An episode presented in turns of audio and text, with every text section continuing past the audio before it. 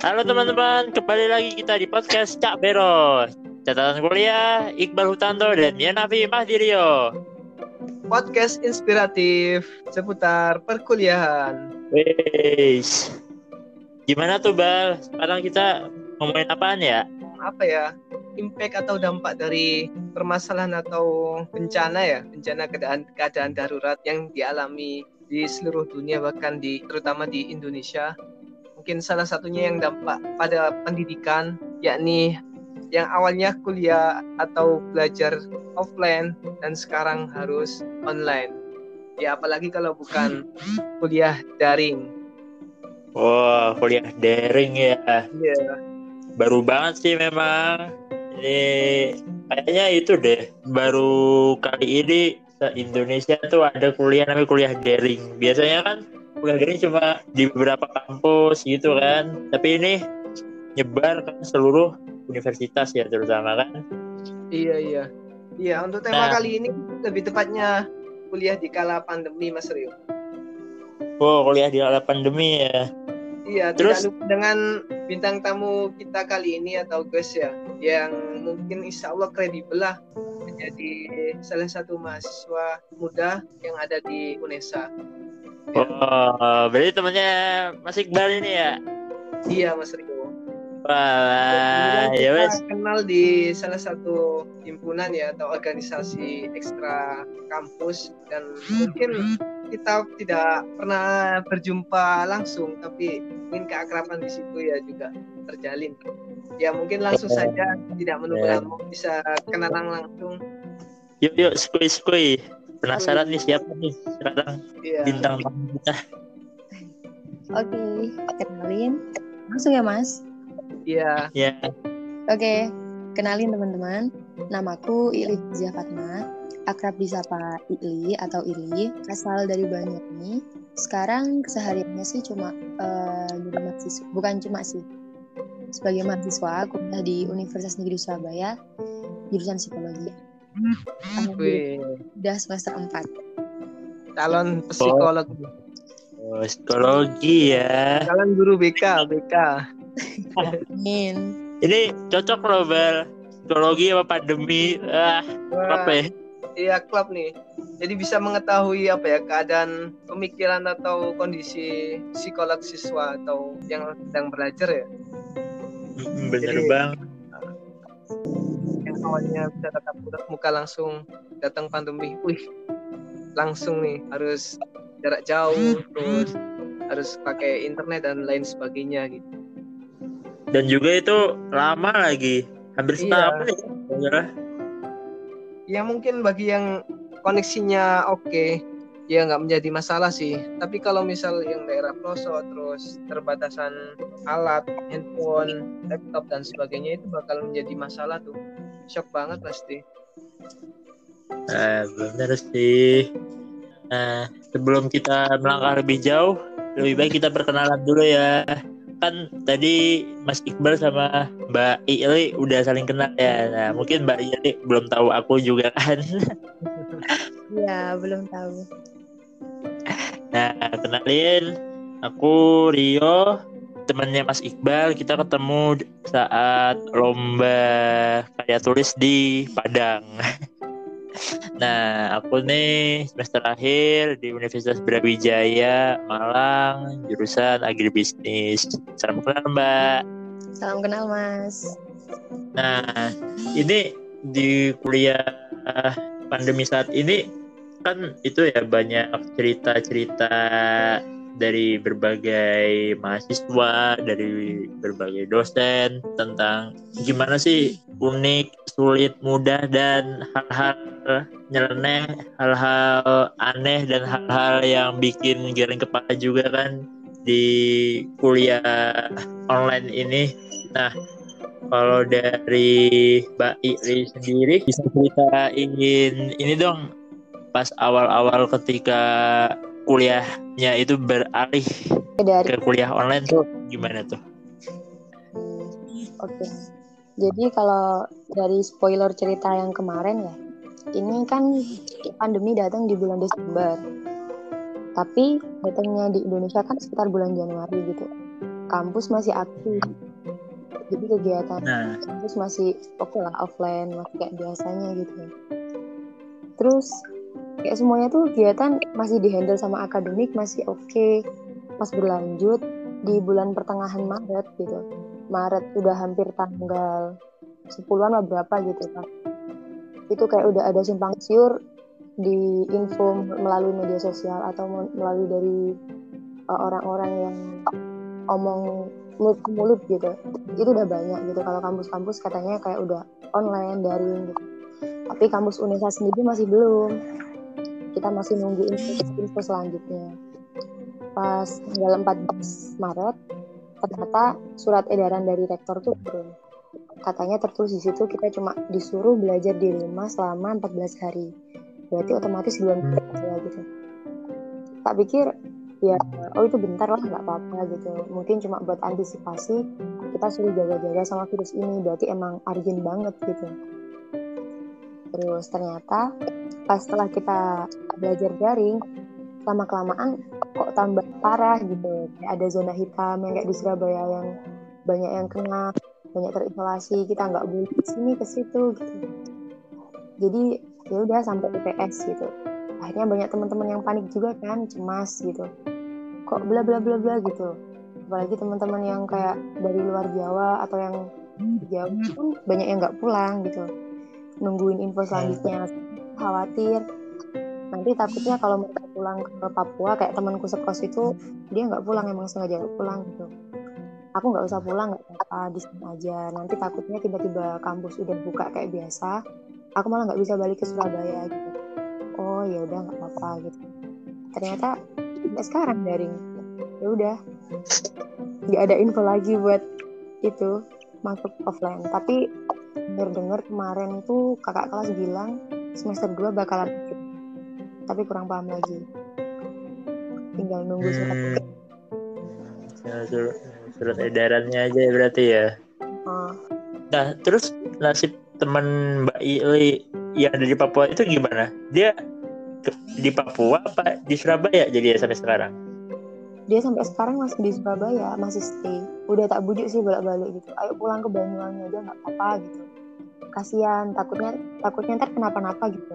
Kan aku juga nggak enak soalnya ya kayak udah saudara sendiri bayangin lah sama-sama merantau kita jauh-jauh gitu.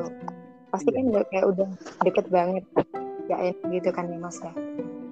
Tapi tapi dia Iya. dia tetap aktif di organisasinya sih maunya offline. Nggak apa-apa aku mau aktif di Mapala gitu. Gitu terserah yang kalau ada apa-apa pulang gitu. Gitu sih. Oh, oh berarti itu ya temannya sampean itu selama pandemi gitu juga aktif di Mapala ya? Mm-mm, jadi dia kan jadi panitia gitu apalagi mau ini besok mau ke gunung mau ke gunung apa ya Oh. sungai kalau nggak salah Oh, kalau nggak salah Mapala juga ikut, ikut ini nggak sih andil dalam menjadi apa yang kemarin satgas kampus gitu? kalau delegasi Kalau kemarin iya Wah, iya iya. Nah, itu pas awalnya ada surat edaran dari kampus UNESA itu yang bilang 14 hari, Mm-mm. apakah saat itu ada salah satu orang di fakultas mana gitu di UNESA kena COVID gitu?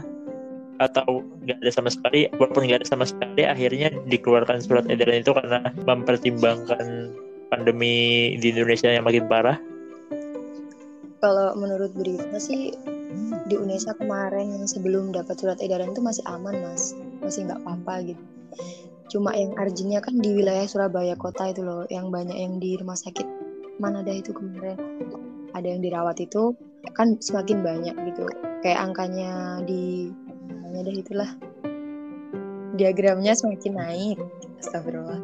Gitu kan makin naik. Terus dapat info dari pemerintah udah itulah. Akhirnya sur- tur- suratnya turun. Kita disuruh daring. Oh. Sampai kondisi benar-benar stabil. Selama 14 hari. Ya pantau nggak ada peningkatan akhirnya mahasiswanya dipulangkan. Oh alah. jadi beda ya sama UB karena kalau UB itu ada yang kena dulu. Oh ada yang satu yang mengidap itu yang udah positif. Iya jadi apa ada yang udah kena gejala dan itu kalau nggak salah di teknik industri deh. Tapi aku lupa itu dosen apa mahasiswa yang kena. nah habis itu langsung tahu mau apa itu anak apa? Anak ilkom gak sih? Mahasiswa mahasiswa anak ilkom. Itu langsung diisolasi. Kalau Ilkom salah kedua dari habis fakultas teknik industri oh jadi pertama teknik industri dulu itu entah mahasiswa apa dosennya itu kena akhirnya langsung semuanya yang di gedung itu dipulangin isolasi mandiri. Nah yang dua itu kalau itu kalau ada dua orang dari dua orang itu ya langsung dilarikan ke RS gitu buat di karantina nah akhirnya dari situ ya udah. Heboh tuh masuk ke draft UB ke info UB gitu. Banyak deh sama teman-teman juga yang lain bilang wah UB ada udah ada yang kena nih udah ada yang kena nih. Nah pas itu juga masih itu apa sama kayak yang Mbak Iri bilang apa Hmm, teman-teman yang masih kuliah offline kan. Iya. nah pas pas offline ya ada kayak gitu. Akhirnya ya makin itu kan makin apa makin mengkhawatirkan malah sebelumnya gini itu kan di, kejadiannya di fakultas Iya. teknik industri nah fakultas fakultas itu nyebar gini eh apa ini kayaknya mau di kuliah online semua deh mau di kuliah online semua deh jadi udah ada beberapa fakultas yang udah ngeluarin surat edaran setelah ada kasus itu nah habis itu setelah ah, beberapa fakultas ngeluarin surat edaran Hmm. baru deh universitas ngeluarin surat edaran bahwa kuliah online gitu jadi emang itu ya apa respon dari setiap universitas universitas itu beda-beda ya? Iya beda-beda sih mbak. Tapi ya seingatku Iya. sih gitu. Nggak tahu sih apa eh, itu berapa tapi kronologinya sepengalaman aku sih kayak gitu kalau di UB gitu. Udah ada yang kena baru deh akhirnya di, diturunkan surat edaran itu. Iya iya iya Em, tapi Mas Iqbal pernah dengar nggak sih kayak rumor yang di Fakultas Teknik dosennya kayaknya pernah gitu, kayaknya kena COVID kena covid di gitu semester. ya. Mm-mm. iya iya. Aku kurang tahu sih. Kurang tahu. Tapi kalau mahasiswa itu ada cuman disembunyiin. Mungkin kasusnya kayak gitu juga. Jadi nggak nggak disebarluaskan di kalangan mahasiswa. Takut apa ya di kalangan aktivitas akademik. Heboh. Takut membuat shock ya. Shock nanti kayak apa ya takut lah terus banyak yang gimana ya kan psikolog dari masing-masing orang kan beda-beda jadi mungkin Iya. apa ya mencegah hal Hmm. tersebut lah Iya sih benar-benar. Nah, eh, ini kan Mbak Ili berarti dari yang awal Maret eh awal Maret pertengahan Maret itu sampai sekarang kan itu ya kuliah online terus kan kuliah daring terus. Nah, pas awal-awal kuliah daring itu atau kuliah online itu gimana adaptasinya, Mbak? Kalau adaptasinya sih lebih ke mediatornya ya Mas. Di bagian mediator tuh kayak kan dosen macem-macem lah, ada yang muda, ada yang tua gitu. Kalau yang dulu kan masih semester tengah-tengah semester 2. Jadi masih semester 2 awal. Jadi aku offline tuh cuma ngerasain duduk di bangku kuliahnya nah, bareng teman-teman tuh cuma satu tahun ya Allah. Terus habis itu. Nggak lama banget. Tak kirain kuliah bakal enak gitu ya. Kayak yang tak bayangin dulu pas di pondok. Aku aku ntar bakal ketemu teman-teman banyak lah. Duduk bareng sama teman-teman. Ngobrol diskusi. Ternyata nggak sesuai ekspektasi. Ya gitu. iya, iya. Depan Tapi emang ya. ini ya apa ya emang mahasiswa baru atau angkatan muda ini jadi bahan bicara dari mahasiswa yang udah tua-tua atau yang sudah mungkin udah apa ya pernah ngalamin lama lah kuliah offline? Jadi iya. gimana nih? Waduh baru aja kuliah langsung online gitu jadi nggak tatap muka langsung. Jadi yang kadang offline aja kayak gini apalagi yang online gitu. Jadi emang pengaruh banget sih dari apa ya pemikiran aktivitas akademik itu sendiri. Iya benar iya. Sampai sampai sampai sampai tuh kita kan ya paling tahunya cuma cutting gitu sharing Iya. session pas waktu ngobrol di zoom apa gimana gitu. Dulu tuh kakaknya kayak gini "Eh, masa kamu kayak gini deh terus habis itu pas udah pas waktu pembelajarannya siang susah di bagian zoom. Mm-mm. waktu matkul apa ya kemarin? Statistik kalau nggak salah. Wah, itu. Statistik apa? Statistika. kan ya statistika. Kalau nggak salah. Itu tuh dosennya emang udah sepuh gitu loh. Iya ya. Hmm. jadi tuh mereka bingung gitu. Kan sebelum pandemi kuota dari kampus kan pasti belum cair kan. Masih pakai kuota sendiri atau pakai wifi data itulah ya pasti otomatis teman-teman pada ngeluh gitu. Apa sih matkul udah 2 SKS habisnya zoom cuma 20 menit tapi 1 giga koma lima gitu. Banyak banget datanya gitu pasti itu udah jadi bahan gosipan tiap selesai matkul gitu. Ya terus Rek, gitu. Pasti ya. Teman-teman udah gitu ngobrolnya. Apalagi dosennya masuk jamnya on time. Ntar nanti Hmm. ada persetujuan kayak misalkan masih awal-awal kayak simulasi kan pastinya. Kamu telat 15 menit absennya gini itu masih belum ada. Jadi kalau telat ya udah telat gitu. Gak enaknya absennya pasti kalau telat di alfa atau gimana gitu tergantung ketatan keketatan dosen juga Hmm. Terus nanti kalau yang waktu matkul udah siang, biasanya tuh dosennya bakalan rada molor. Soalnya yang kayak jaringan atau gimana pasti ya sama kayak yang tadi katanya Mas Iqbal gitu.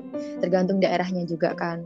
Kalau di daerahku nih yang kayak sulit sinyal gini, aku sering ngeluh. Soalnya kalau hujan ini udah apa namanya itu pesawatnya wifi itu udah nggak bisa nyaut mas. Jadi saya nggak bisa kuliah. Bolos sudah Iya. kayak pelosok banget gitu.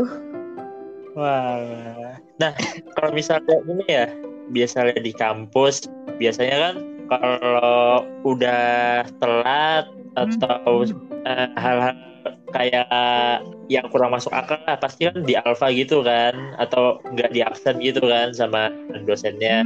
pasti Kalau misalnya offline ya, kelas tetap muka biasa gitu kan, kayak kesiangan atau misalnya kayak apa? Skip. ya gitu dan sebagainya gitu kan. Nah Iya.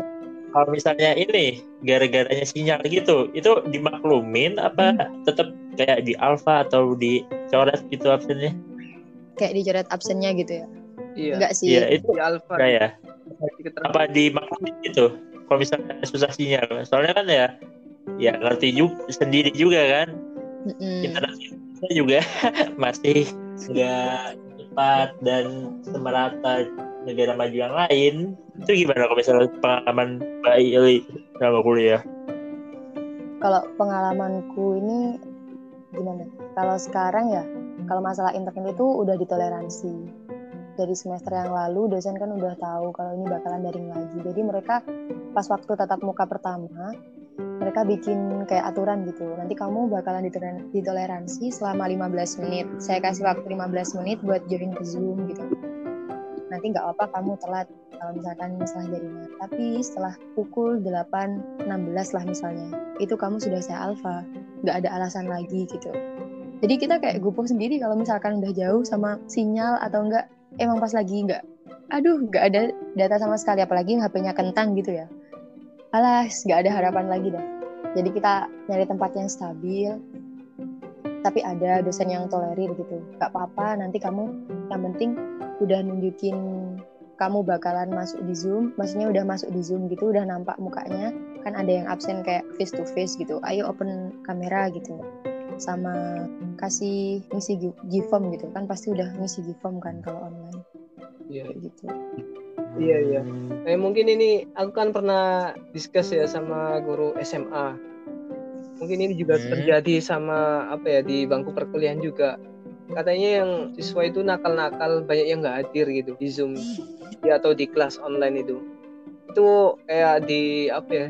Kayak ditoleran lah sama guru-gurunya gitu. Apa ya dikasih keterangan masuk sebagainya. Nah, itu mungkin gimana kalau di perkuliahan yang pernah Ili alami apakah pernah seperti itu apa enggak ya?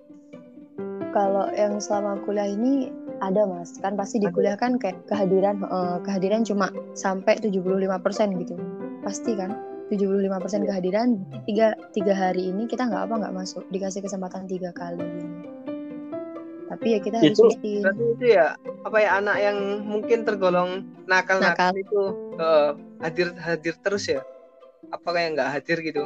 Apa kayak di eh, yang lagi viral viral di sosmed itu yang kadang pakainya kaos oblong sama makan-makan gitu? enggak sih ya mereka tetap hadir gitu cuma kadang kan. Mm, jadi kayak udah dikasih waktu yang lebih banyak kejadiannya sih ketiduran gitu loh mas kan terlalu banyak distraksi di rumah gitu Iya.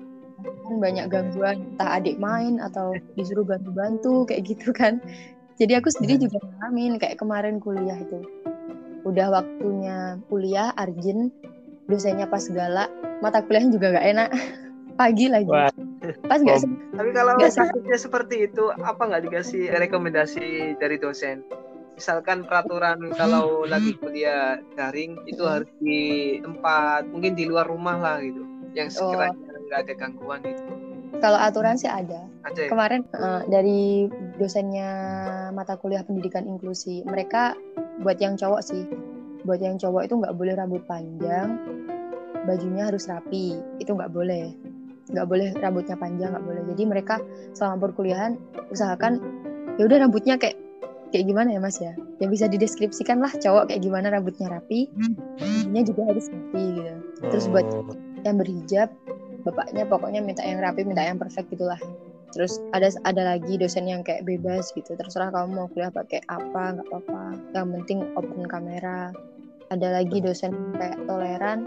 Kamu nggak apa-apa nggak usah open cam nggak usah on mic. Yang penting nanti ketika saya tanya kamu jawab. Udah gitu aja. Oh. macam-macam memang ya. Unik-unik ya. Kuliah dari memang unik-unik. Iya, itu. Jadi kita nggak nggak seru kayak asal gitu. Aku kira kuliah daring juga bakalan alah paling kuliah pakai daster juga nggak apa-apa gitu kan nggak pernah. Tapi kayaknya kayaknya ini ya itu ya nggak pernah ngerjain tugas sambil nongkrong sama teman-teman ini. apa? Itu pas waktu offline dah. Iya, pernah nggak? pernah sampai jam 11 udah ngantuk berat itu. Minta pulang. Ayo pulang Kalau iya, kalau melihat seperti itu lebih milih mana antara kuliah online sama offline ini? Kan kalau online kan enak bisa sambil tiduran terus eh bisa Nggak sambil itu juga pak Iya. nyantai juga kan nyantai di pantai. wih Banyuwangi banyak pantainya loh. iya Banyuwangi banyak pantai Bagi-bagi biar pantai ya gimana ya iya kalau aku sih lebih milih offline ya soalnya kalau kerja kelompok lebih enak gitu nggak miskom gitu mas. Soalnya yang berkaca dari kemarin itu pas waktu semester 3 kan ada tugas buat observasi aku cuma dua dua orang gitu. Dibagi satu kelas jadiin full kelompok. 10 atau 20 gitu. Pokoknya segitulah. Akhirnya aku dapat kelompok sama temanku yang Surabaya. Padahal kesepakatan itu kayak kita yang deketan aja domisilinya gitu biar enak. Kalau mau komunikasi nggak susah-susah misalkan terkendala sinyal atau apa pun gitu ternyata nggak aku dapat yang Surabaya. Pas Oh. waktu masih itu objeknya pas sulit gitu. Oh tidak. Yes mikir lagi lah. Gimana mas aku nggak ke Surabaya gitu. Nggak bakal selesai selesai kan. Soalnya deadline-nya juga dua minggu. Mepet. Akhirnya kemarin diskusinya sempat miskom. Sempat gak enak juga lah. Gimana sih rasanya? Kayak udah cewek sama cewek pasti kalau marah kan yo emosinya sama-sama nggak ada yang mau ngalah gitu kan ya mas ya gitu. Nggak ada yang mau ngalah gitu. Akhirnya aku sama temanku ya udah ini gimana enaknya? Kita belum dapat objek sekarang udah hamil tujuh hari. Mau dikerjain apa enggak? Gitu. Ayo. Apa enggak dong? Pilihannya. Serem loh iya temanku yang satunya tuh ngabis banget dia kuliah rajin banget. Beda sama kayak aku. Aku ngerjain tugas kalau udah mepet kurang dua jam gitu itu baru ngerjain tugas eh, dicontoh teman-teman. Iya, habis itu akhirnya ya udah aku bagian nyari data-datanya gitu. Ternyata data-data yang tak cari di sini nggak ada. Ya wis, akhirnya aku ke Surabaya gitu. Sebenarnya cemas-cemas gimana gitu. Mau ke Surabaya. Sama ibu nggak dibolehin soalnya pas kemarin pas lagi zona hitam hmm, Kalau mau ke Surabaya dari Banyuwangi kan juga masih tes rapid lah, gini lah, minta surat kesehatan lah, pokoknya panjang lah gitu dan kondisi ekonomi sendiri kalau di rumah kan kayak gini kan pasti sulit kan ya banyak kan kayak gitu. Iya. Masukan kurang kan. Hmm, masukannya kurang habis itu ya wis lah nggak apa nekat ke Surabaya cuma tugas doang gitu akhirnya berangkat ke Surabaya ternyata sama dia juga nggak ada objeknya. Ya Allah di Surabaya di PHP di Banyuwangi udah nggak ada. Terus nggak tahu lah itu gimana kemarin selesainya tugas akhirnya kita ngarang dah. Dapat objek. Dapat objeknya tuh satu. Usianya beda satu tahun dimudain lagi. Terus gitu lah. Waduh. Eh, tapi itu ya kalau yang domisilinya kayak di luar pulau itu gimana? Kalau temanku kan satu kelas itu yang beda pulau cuma satu ya. Mereka tetap daring terus gitu. Jadi yang Surabaya, jadi gini konsepnya. Kan dua orang gitu. Emang nggak sengaja kan. Pas aku dapetnya yang jauh. Ada yang tiga juga. Nah, itu usahakan yang dua itu dominan dari daerah yang terdekat gitu. Jadi yang satu nggak apa-apa jauh. Jadi biar buat mudahin gitu komunikasinya mereka pas ambil data atau gimana. Jadi mereka yang di luar pulau tinggal nginput-nginput nginput-nginput doang datanya. Nanti tinggal tunggu hasil jadinya doang. Hmm. Jadi mereka kalau mau komunikasi ya lewat Zoom. Biasanya tiap malam teman-teman kalau lagi kerkel tuh lewat Zoom sih kalau dari pengalamanku. Nugas itu sambil nge-zoom sampai kelar. Nanti kalau udah selesai dicek lagi yang salah lewat Google Doc. Di situ guys datanya dijadiin satu baru kalau selesai tinggal di PDF-in selesai. Oh gitu ya ya. Wah, Mas Iqbal ternyata kuliah daring itu nggak sederhana yang kita bayangkan ya. Iya benar. Rumit. Tapi ada plus minusnya juga sih. Bener nggak Il? Iya, ada banyak banget plus minusnya. Mungkin dari segi finansial atau biaya kosnya lah. Kosnya itu sedikit rendah lah ya daripada kuliah offline. Iya. Kalau minusnya pas kuliah daring tuh paling kita bisa lebih quality time sama keluarga itu lebih maksimal ya. Kayak kita yang nggak pernah pulang atau jarang ketemu kayak aku nggak pernah pulang ke Banyuwangi juga kan kecuali pas lagi arjun itu bisa bareng sama keluarga terus ketemu bapak ibu terus hemat biaya transportasi juga apalagi kayak yang nggak punya kendaraan di Surabaya kalau mau berangkat juga bingung kan itu pasti kan gojek Oh, iya. Ya gizi terpenuhi. Iya. Mungkin Ili saat ini ya berat badannya nambah ya. Ada yang bener nggak? Berat badannya nambah. pasti kebanyakan tidur Tidur makan. makan tidur nugas nanti tidur lagi Tapi ini bang, benar sih tadi salah satu plusnya juga apa hemat finansial. Nah, makanya kita kuliahnya daring tapi UKT tetap ya. Iya, kata tetap ya. Oh iya, kalau di UNESA ada potongan. Ili gimana ini? Ili regular apa itu beasiswa? kalau aku beasiswa aku kalau ditanya UKT kurang tahu masalahnya Iya. baru baru UKT Wah. Tapi setauku ya, setauku ya. Mm-mm. Terakhir untuk semester kemarin itu ada potongan. Shay. Iya, ada Iya. potongan. Mm-mm. potongan Kayaknya Tapi saat ini juga ada potongan. Dan ini dari teman-teman apa ya, MPM sama DPM itu sudah sebar angket lah kayak kuesioner gitu ya. Iya, Visioner. Jadi terkait penjaringan itu, aspirasi dan Iya, iya. kayak masuk teman-teman kayak KT dan diaju bandingkan di rektorat. Oh iya iya. Nah, Iya, dan- itu susah nggak sih atau gampang kalau misalnya tuh kayak nurunin UKT atau dapat potongan UKT gitu? nurunin UKT susah radaan mas Oh, kalau kemarin temanku ya di kelas kan ada beberapa yang ikut penurunan UKT gitu otomatis sebelum kita namanya, kayak ter KHS itu loh mas. Kayak konsultasi ke ya. kan kita absennya belum di approve kan misalkan kayak UKT-nya belum lunas gitu. Itu ada beberapa temanku yang belum bisa suratnya belum cair gitu. Maksudnya belum turun ke dia.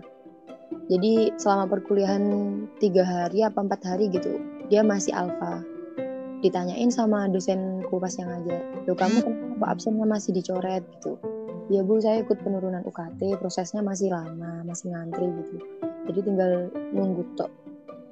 Tapi kata temanku emang rada sulit sih banyak apa Oh iya, iya, emang berarti itu ya rata-rata emang itu ya rada sulit ya untuk kayak ikut potongan Ben- atau ikut penurunan gitu-gitu ya.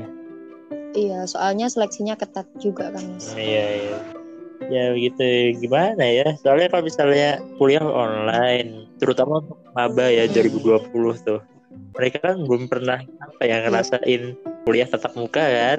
Paling ya kalau Iya, misalnya ke apa ke kampus ya paling kalau nggak ambil almet atau apa kayak pokoknya kayak nggak bisa sama gitu kan mereka kalau misal ke kampus atau gabut mungkin. Soalnya kan kuliahnya online semua. Nah itu tuh. Jadi kayak apa ya? Dapatnya subsidi kuota. Kayak apa ya, kayak kurang gitu loh. Maksudnya dengan biaya yang dikeluarkan untuk UKT tapi kuliahnya online kayak nggak sepadan nggak sih menurut kalian? Iya. Itu ya enggak lah. sampai adikku kemarin tuh sampai jenuh gitu loh di rumah. Kan dia angkatan 20 jurusan Vio kan. Anak Vio Ikor kalau nggak salah ada anak 6 Yalah aku mau ke Surabaya aja gitu. Mau kuliah di Surabaya. Jadi mereka cuma relain ke Surabaya kuliah di kontrakan sama temen-temennya. Main di Unesa. Itu doang Iya. sama ikut. Iya. Ada iya setidaknya mereka nggak apa ya nggak dapat kuliah langsung tapi dapat suasana di Iya. Surabaya ya.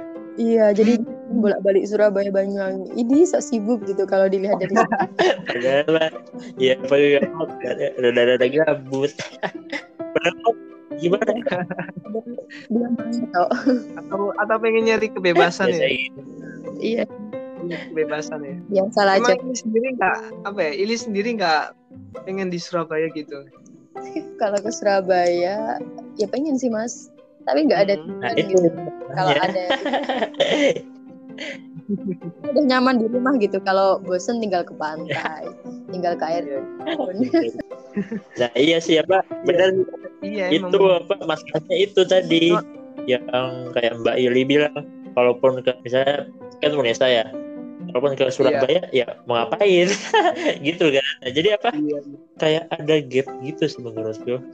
Apa ya eh, kalau Mbak Ili kan mungkin beasiswa ya. Nah kalau misalnya orang-orang yang nggak ikut beasiswa ya misalnya kayak orang-orang jalur reguler lah atau jalur SBMPTN lah tapi nggak ikut beasiswa itu kan kayak ya buat apa gitu katanya tapi kuliahnya kayak gitu nggak dapat apa kuota emang bener sih perlu dikritisi sih Mas Rio. Seperti aku kan beberapa waktu lalu dan beberapa bulan yang lalu ya sempat ke kampus Hmm. gitu. ya. Jadi mulai dari perpus terus ya segala fasilitas yang ada di kampus lah yang apa ya yang awalnya kayak misalkan listrik terus air itu nyala ya sampai kadang jam 5 kadang juga 24 jam gitu Nah, kemarin itu hanya beberapa gedung yang ditempati itu pun di birokrasi sama di ruang dosen. Gitu.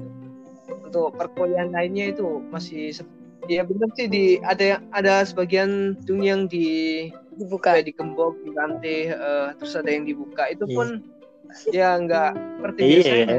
Ya, itu dari segi Ah, fasilitas fasilitas fisik ya, iya. mungkin dari lain-lain. iya itu benar Sering banget kalau misal bayar full, terus kuliah masih online, terus data internet masih beli sendiri, iya gitu ya. yang lebih ini apa ya yang ironis gini bang kan dapat ya kuota itu kuota untuk belajar kan kuota belajar itu. Yang 30 GB atau 75 GB itu. Nah udah dapat gitu tapi sinyalnya susah. Nah itu kan apa ya? Nah bener. Iya kan? Kayak ya percuma lah. Gitu kan. Kan nggak bisa kepake gitu. Meskipun kita udah di daerah yang bagus gitu sinyalnya udah emang di kota kan pasti sinyalnya bagus kan. Kalau aku keluar ke kota pasti bagus. Tapi temanku juga masih ngeluh gitu apa ini kuotanya kok nggak bisa dipakai? Dipakai cuma bisa bertahan berapa menit gitu. Ntar loading lagi. Di zoom juga nggak iya benar makanya itu kayak sia-sia aja gitu bayar UKT kalau misalnya di UB tuh ini contoh ya perpus. Dulu sebelum pandemi mau masuk perpus ya tinggal masuk aja nanti kayak tunjukin KTM lah habis itu apa? KTM habis itu bisa mau ke ruang apa ruang apa ruang apa mau pakai komputernya perpus lah mau baca buku atau apa mau sambil tiduran mau gimana. Kan enak ya masih ada kayak aku bayar segini loh rek. Aku bisa nikmatin ini gitu kan. Nah sekarang gitu kan. nah sekarang itu perpus gak boleh masuk. Jadi cuma di depan doang. Ada kayak standnya doang. Itu kayak apa misalnya mau ngebalikin buku atau mau minjem buku dari situ. Udah gitu doang gak boleh masuk jadi ya what untuk apa gitu Satu kepala berapa yang rugi mas? Iya, Pak Mas gue rugi kayak gitu. Aneh makanya kayak aduh. ya apa ya? Itu salah satu salah satu minusnya sih yang aku pikirin dari pas awal pandemi itu mulai apalagi pas udah sampai semester baru ini juga masih online gitu kan. Kalau dari Ili sendiri plus minus yang lain ada nggak kira-kira? Kalau aku minusnya sih di tugas ya. Tugasnya mungkin nggak manusiawi Oh, gitu. ya Indonesia gimana tuh? Kayaknya mungkin kalau di psikologi sendiri kan lebih kayak menganalisa gitu ya. Kayak dikit-dikit disuruh baca. Kalau yang baru kemarin ini, oh tadi itu. Tadi itu ada tugas di Google Classroom. Tugasnya kayak gini, disuruh baca, terserah mau baca apa. Maksudnya sumbernya terserah dari mana gitu. Itu nanti kita disuruh menurut pendekatan ini dan ini gitu. Jadi lebih ke teoritis gitu kan mas. Tapi deadline-nya tuh kadang nggak nyambung sama yang dikasih tugasnya. Ada kan yang tu- dosenku tuh ngasih tugas jam 8 tapi dikumpulin nanti jam 12 gitu. Sedangkan itu deket banget gitu. Deket banget jam waktunya. Kayak nggak ya Allah kita tuh sampai temen nggak dibales gitu kan nggak direspon. Padahal itu ju- juga kita mau tanya gitu. Ini gimana maksudnya? Kayak yang anak udah ngambis itu kan pasti dia cepet ngerjain cepet banget gitu. Iya. tapi kalau udah ya pengen marah pengen gimana? Udahlah tiba-tiba saya nggak mood gitu gara-gara tugas. Kan kadang juga nggak tahu kan misalkan kita sehari tanggal ini udah ada deadline pengumpulan tugas ini ternyata besoknya pas matkul yang baru masih dikasih tugas lagi mungkin itu yang baru tak rasain ya. Nggak tahu kalau semester yang akan datang itu kayak gimana. Katanya cutting sih lebih parah Wow. gitu. kalau aku ngeluh tugas. Tugas sama perangkat komputer. Kalau perangkat komputer kurang lengkap kayak kemarin tuh aku minta ke ibu buat beliin softwarenya laptop. Soalnya nggak kuat kan. Nggak kuat banget. jadi tak suruh beli. Sering nge-lag gitu. Oh. Bu gitu. Ini kenapa kok dibuat kuliah beberapa jam gitu kayak dipakai sehari full gitu. Itu kan masih baru juga tapi kok nggak kuat. Terus di servis ada yang error. Oh, ah, gitu. Iya iya. sama pasang wifi bu gitu daripada rugi. Pertamanya sih orang tua mikirnya kayak alah wifi buat apa? Kamu lo nggak pernah di rumah gitu. Nggak usah masang kayak gitulah gitu. Loh, bu aku kuliah di rumah bakalan sama gitu. Alah ngapus sih gak percaya ibu baru tuh ngotot Enggak, ini jangan-jangan Ili buat main TikTok ini Eh. sama Instagram. eh astagfirullah Suzan Bener enggak? Bener enggak? Ayo, ngaku aja Il. aku cuma scroll TikTok mas nggak sampai main Ah, Eh, Terus akhirnya pasang juga gara-gara lebih dari satu tahun. iya iya akhirnya aku ngelobi ke bapak. Tak yakinin bapak kan lebih deketnya ke bapak tapi juga ke ibu sih. Yang lebih ketemu sering ketemu ke ibu tapi ceritanya ke bapak. Ayo pak pasangin bilangin ke ibu gitu. Ngerayu ngerayu ke bapak gitu. akhirnya dipasangin ya wes makasih sampai sekarang. Kadang masih lola nggak apa-apa sih. Soalnya yang tadi malam tuh kan habis kena angin.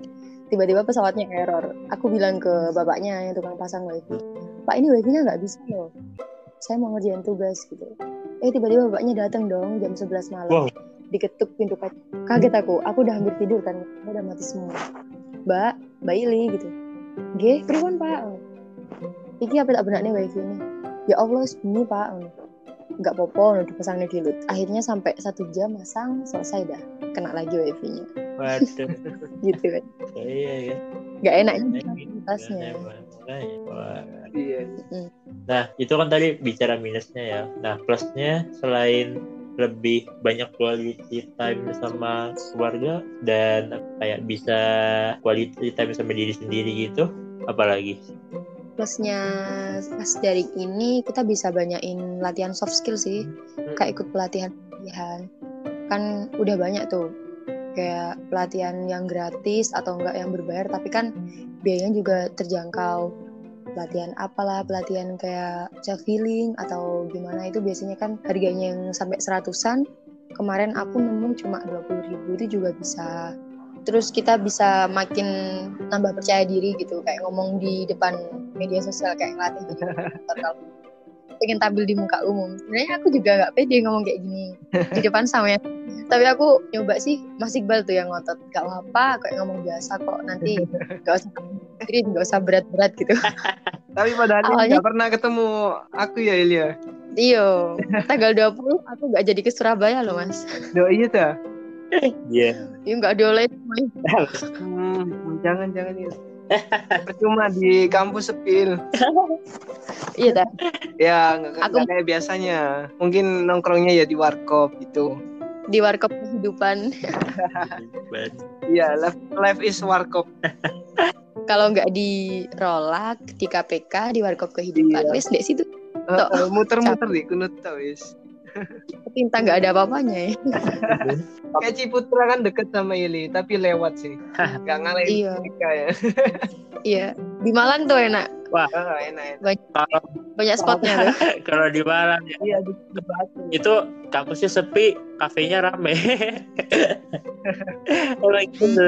Ya soalnya mau ngapain di kampus gitu kan, mending di kafe ya apa ngobrol-ngobrol lah. Banyak kan gitu kan mahasiswa sekarang dan Hmm. itulah sama kayak di Unesa tadi kan yang rame warkop. Ya sama. Di sini juga yang rame warkop daripada kampus. Aduh. nah ini kalau hal unik ya hal unik yang Ili pernah alamin selama kuliah online tuh apa? Kayak yang nyeleneh lah yang kayak orang-orang misalnya tahu ini bakal heran gitu. Apa tuh kira-kira kalau aku sih bukan kehalaan ya kayak keganjalan gitu. Gimana tuh? Itu pas waktu kuliah siang itu sudah. Aku puasa. Lah ternyata udah di jam berapa? Jam 13 kan di start. Finishnya sampai 14.30 sampai sore dah pokoknya. Itu tuh emang dosennya ngomong terus gitu. Kayaknya nggak ada jeda pertanyaan. Paling jeda pas selesai di slide berapa gitu jeda, ada jeda pertanyaan. Pas ketepaan cuma penjelasan dari dosen doang nah aku tuh pas kuliah nggak sengaja emang. Pas tempatnya di kasur. Aku ambil bantal lah. Hmm. sambil selonjoran. Sampai selesai ternyata ketiduran sampai ketinggalan sudah. Di room itu tinggal aku kok. Astagfirullah. Aneh banget pas itu tuh kamar juga tak kunci buku nggak ngeliat gitu. Pas Iya. lagi kuliah aku kuliah kan ibu tahu nanti pasti dibangunin hei jangan tidur gitu. Itu loh dosennya didengerin gitu. Atau enggak nanti pas aku lagi ngapain gitu pas dosennya lagi ngomong pasti kan off cam ambil makanan dah. Astagfirullah dok, mbak di rumah nih gitu, kayak gitu. ya Bandelnya ke situ sih, Iya. Gak sengaja ketiduran. bisa bisa iya sih tapi emang apa ya Cobaan cobaan kuliah di rumah ya. iya bener Coba emang Kadang belajar sendiri kan ya kayak gitu. iya bener Belajarnya Tapi- apa? Belajarnya lima menit, buka handphonenya yang satu jam gitu. Nah bener banget. bener banget Tapi kalau di kelasku banyak inisiatif sih. Kadang teman-teman ngejokes gitu loh. Kadang backgroundnya diganti sama video meme yang lucu-lucu atau enggak pas apalah gitu.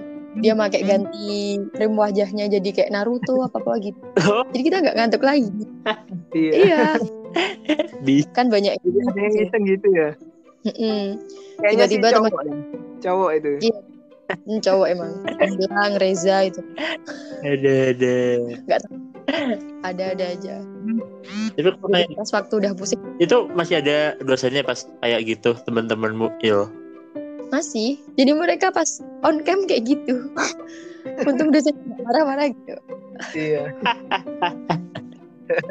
bisa bisanya Dibiarin gitu ya. Iya dibiarin. ada ada Tapi pernah nggak sih disinggung gitu? Tahu ada dosen yang sensitif, yang perfeksionis gitu? Kalau disinggung belum pernah kayaknya. Aman-aman sih. Aman. Gercep. Pas lagi udah mau ditunjuk gitu langsung balik lagi ke background semula gitu. Kadang ada yang iseng juga. Mereka emang sengaja off cam. Tahu lah yang kayak kita itu loh mas foto foto kita diri sendiri itu jadiin background nanti kita off cam Iya. kan itu nggak kelihatan kan Heeh, kayak gitu Iya. juga tak tahu lah anak-anak itu kayak gimana.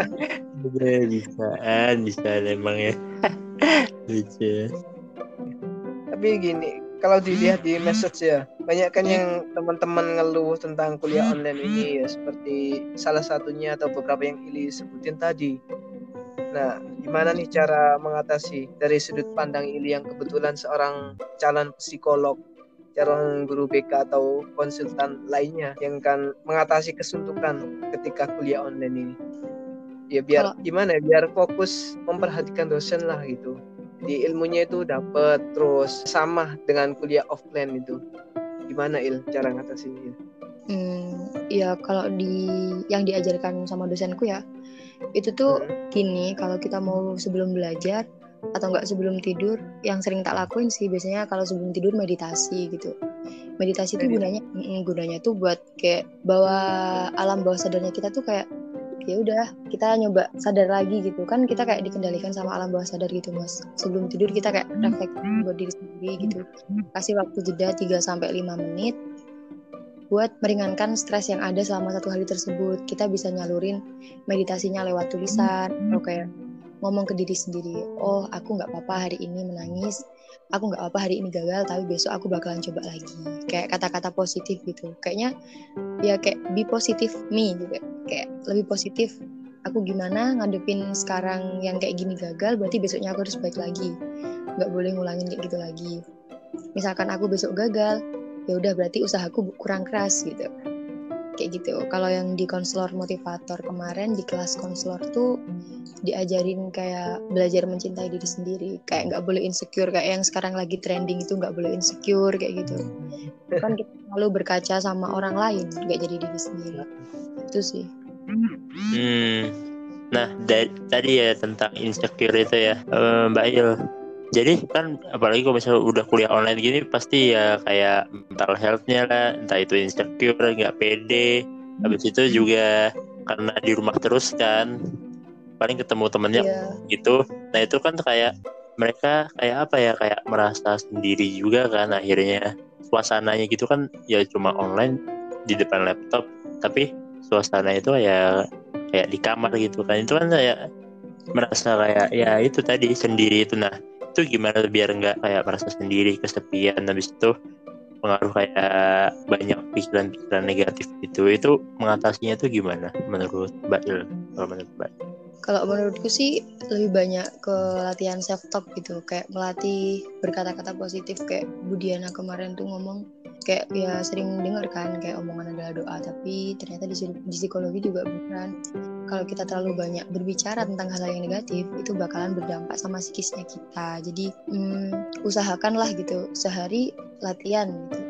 Minimal beberapa kata yang diucapin kayak bangun tidur aku hari ini bakalan bisa ngerjain tugas ini gitu.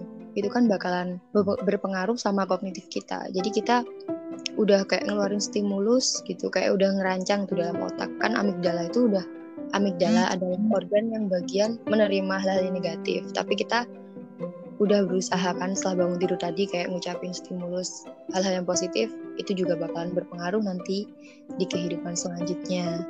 Di kayak gitu. Kalau ngatasin kayak rasa insecure kita lebih ke self care gitu kita boleh lah sekali ngerasain kayak apa namanya dapetin reward dari sendiri diri sendiri gitu. Pasti banyak kan sudah ngelakuin kayak aku udah berjuang keras hari ini berarti aku boleh mendapatkan hasilnya. Aku hari ini bisa ke kafe main sama temen. Tapi itu juga dibatasi gitu jangan sampai berlebihan. Gitu sih. Tingkatin rasa percaya diri sama cintai diri sendiri sudah. Oh, ya kita itu termasuk ya manusiawi lah. Kita kan bukan maksudnya bukan makhluk yang sempurna kan ya? Ya pasti kalau masalah reward sama punishment itu sekali pasti harus dikasih kalau menurutku sendiri sendiri. Jadi kayak aku kemarin ngerjain tugas banyak gitu. Aku bakalan minta ke ibu bu aku minta uangnya dong. Aku mau main sama temen ke sini. Gitu. ntar jelasin sama aku gitu. Kamu ngapain kok minta uang banyak banget? Gitu. Ya ini kemarin soalnya aku habis menang ini gitu. Misalkan kayak gitu. Itu perlu sih biar kita ngelatih mentalnya kita. Soalnya kalau nggak cukup cuma sehat jasmani tok itu nggak cukup. Ternyata mental juga perlu.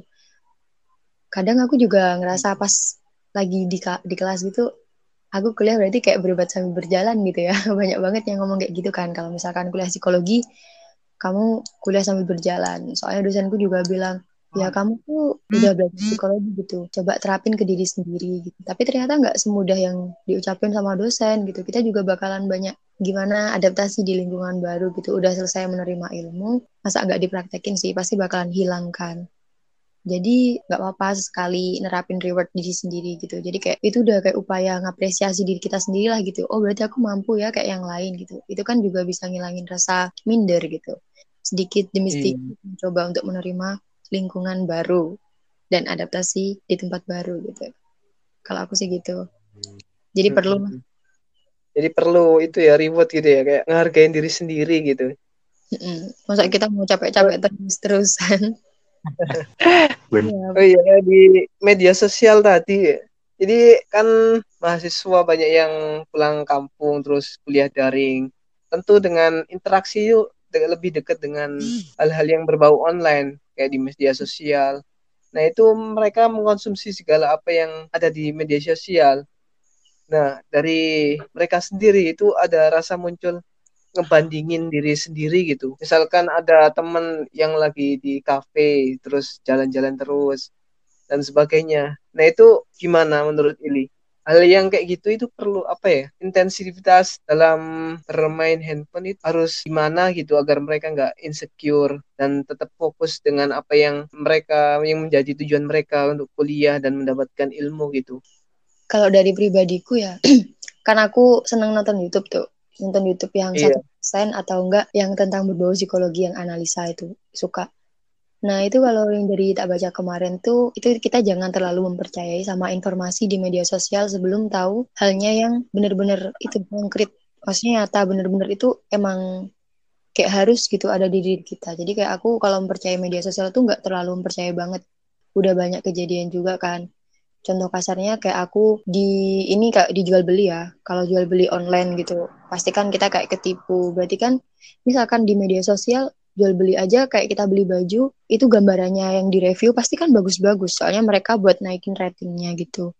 Ternyata pas datangnya jelek itu kan nggak nggak sekali dua kali gitu.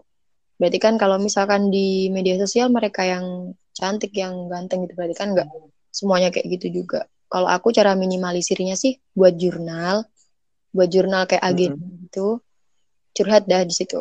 Sehari kayak gimana kamu sehari tuh main HP dibatasi berapa jam gitu nanti waktu waktu 12 jam ini buat kamu kuliah sama buat ngerjain tugas. Nanti 12 12 jam sisanya buat kamu manjain diri sendiri. Manjain diri sendiri tuh kayaknya main sama adik keluar atau ke mana. Tapi itu juga tersusun gitu. Jadi selama satu minggu kan kuliah cuma empat hari. Tiga hari sisanya ini ini memang udah waktu free gitu. Waktu free buat nyusun jurnal jadi udah ada schedule-nya jadi nggak amburadul gitu buat time manajemennya kalau aku sih gitu Wow, ada jurnalnya juga ya berarti nyusun jurnal. Lagi nulis nih eh, calon peneliti. Bisa aja Iqbal. Wah, ya, seru banget ya apa Mas Iqbal ngomong-ngomong sama Mbak Ili ini. Udah hampir berapa jam ya? Hampir satu jam ya? Apa satu jam lebih? Kayaknya nggak cukup deh ya, Iya. harus Satu jam jam nih. karena masih eh, jadi memang pengamat betul-betul pengamat nih Mbak Ili nih. Di analisis lingkungannya cukup bagus apalagi menanggapi hal-hal yang berkaitan dengan pandemi. Mungkin kita cukupkan di sini ya karena kalau misalnya makin lama lagi nanti makin itu makin ngalur ngidul lagi. Mas Rio ngantuk Makin ngantuk Mas Rio. Iya kan itu tidurnya jam 9 di sini. bal baling Ya, ya. Nah, jadi karena kita udah di ujung acara, kayak biasa ya Mas Iqbal dari narasumber ada kayak pesan dan kesan untuk teman-teman pendengar dan kali ini untuk Mbak Ili mungkin ada kayak pesan dan kesan untuk teman-teman yang mendengarkan ini gimana sih agar bisa terus semangat terus survive untuk kuliah daring yang nggak tahu kapan berakhirnya ini. Ayo Ili, kasih finally impression buat kita semua, buat motivasi dari Alah. seorang calon psikolog Unesa. ya. Jadi pesannya buat teman-teman yang lagi kuliah daring, tetap semangat, jaga kesehatan sama jaga pola makan. Soalnya kalau kamu terlalu berlarut-larut begadang, kamu bakalan sakit. Yang sakit kan kamu sendiri, yang rugi kamu sendiri. Kasian. Kemarin udah ngerasain rasanya begadang sampai sakit tuh udah tahu rasanya kayak gimana. Sampai bolos dua hari juga pernah. Pokoknya jangan sampai lah buat teman-teman nggak usah nggak usah begadang buat hal-hal yang nggak perlu. Yang nggak tugasnya emang nggak urgent banget tuh nggak usah. Terus kalau bisa usahain buat schedule. Soalnya kalau udah daring kayak gini, itu kalian bakalan banyak banget tugas apalagi kalau buat mereka yang sambil kerja gitu. Itu nggak tahu gimana cara manipulasinya waktunya kita tuh selama 24 jam. Yang udah disusun ternyata masuk lagi ada pekerjaan yang lain masuk lagi ada tugas yang lain. Kalau kamu nggak buat schedule kamu bakalan berantakan. Kayak yang aku semester 3 kemarin tuh masih belum nyusun schedule itu amburadul semua jadwalnya. Nggak tahu apa yang dikerjain. Jadi manfaatin lah waktu selama daring ini buat ngasah soft skill nikmati buat self care jangan lupa jaga mentalnya kesehatan mental itu juga penting teman pesan Wah, dari aku Ya. Keren, keren, keren. Semoga jadi psikolog ya, profesional ya. Amin. Amin. Ya, berakhirlah sesi kita dengan bahasan podcast bertema kuliah daring ya. Jangan bosen-bosen ya dengerin podcast kita karena bakal banyak lagi ilmu yang bermanfaat ya buat improve diri. Nah, benar banget Mas Iqbal. Dan di bahasan-bahasan ke depannya kita tetap akan membahas putar dunia kuliah dengan tema-tema yang menarik juga yang mungkin ada insight baru dari podcast ini bagi teman-teman yang mendengarkan kali ini. by the way bentar mas. Ini Ya, ada di Spotify nggak ada ada, bagus dong ada. oke habis ini aku follow Oke, siap. aku biasanya suka denger podcast juga sih Oh iya, Spotify kan. Nah, iya. Ada kok ada, ada Spotify. Oh, berarti Mas Iqbal gak ini ya, gak kasih tahu ya ada ya Mas Iqbal. Mas Aduh. Ya, ya, maaf, maaf juga. Tapi sebenarnya ini sering lihat kok. Iya, Sering tapi lihat nggak tanya ya, Mas. nggak- Bener nggak Il? Iya ya maaf. Ada. Tapi nanti kita juga ada ini channel YouTube-nya. Ya, dinantikan aja. oke kang Sun ditunggu Oke. Ya, terima kasih Mbak Ili, terima kasih Mas Iqbal atas waktunya Oke. dan atas sharing-sharingnya juga.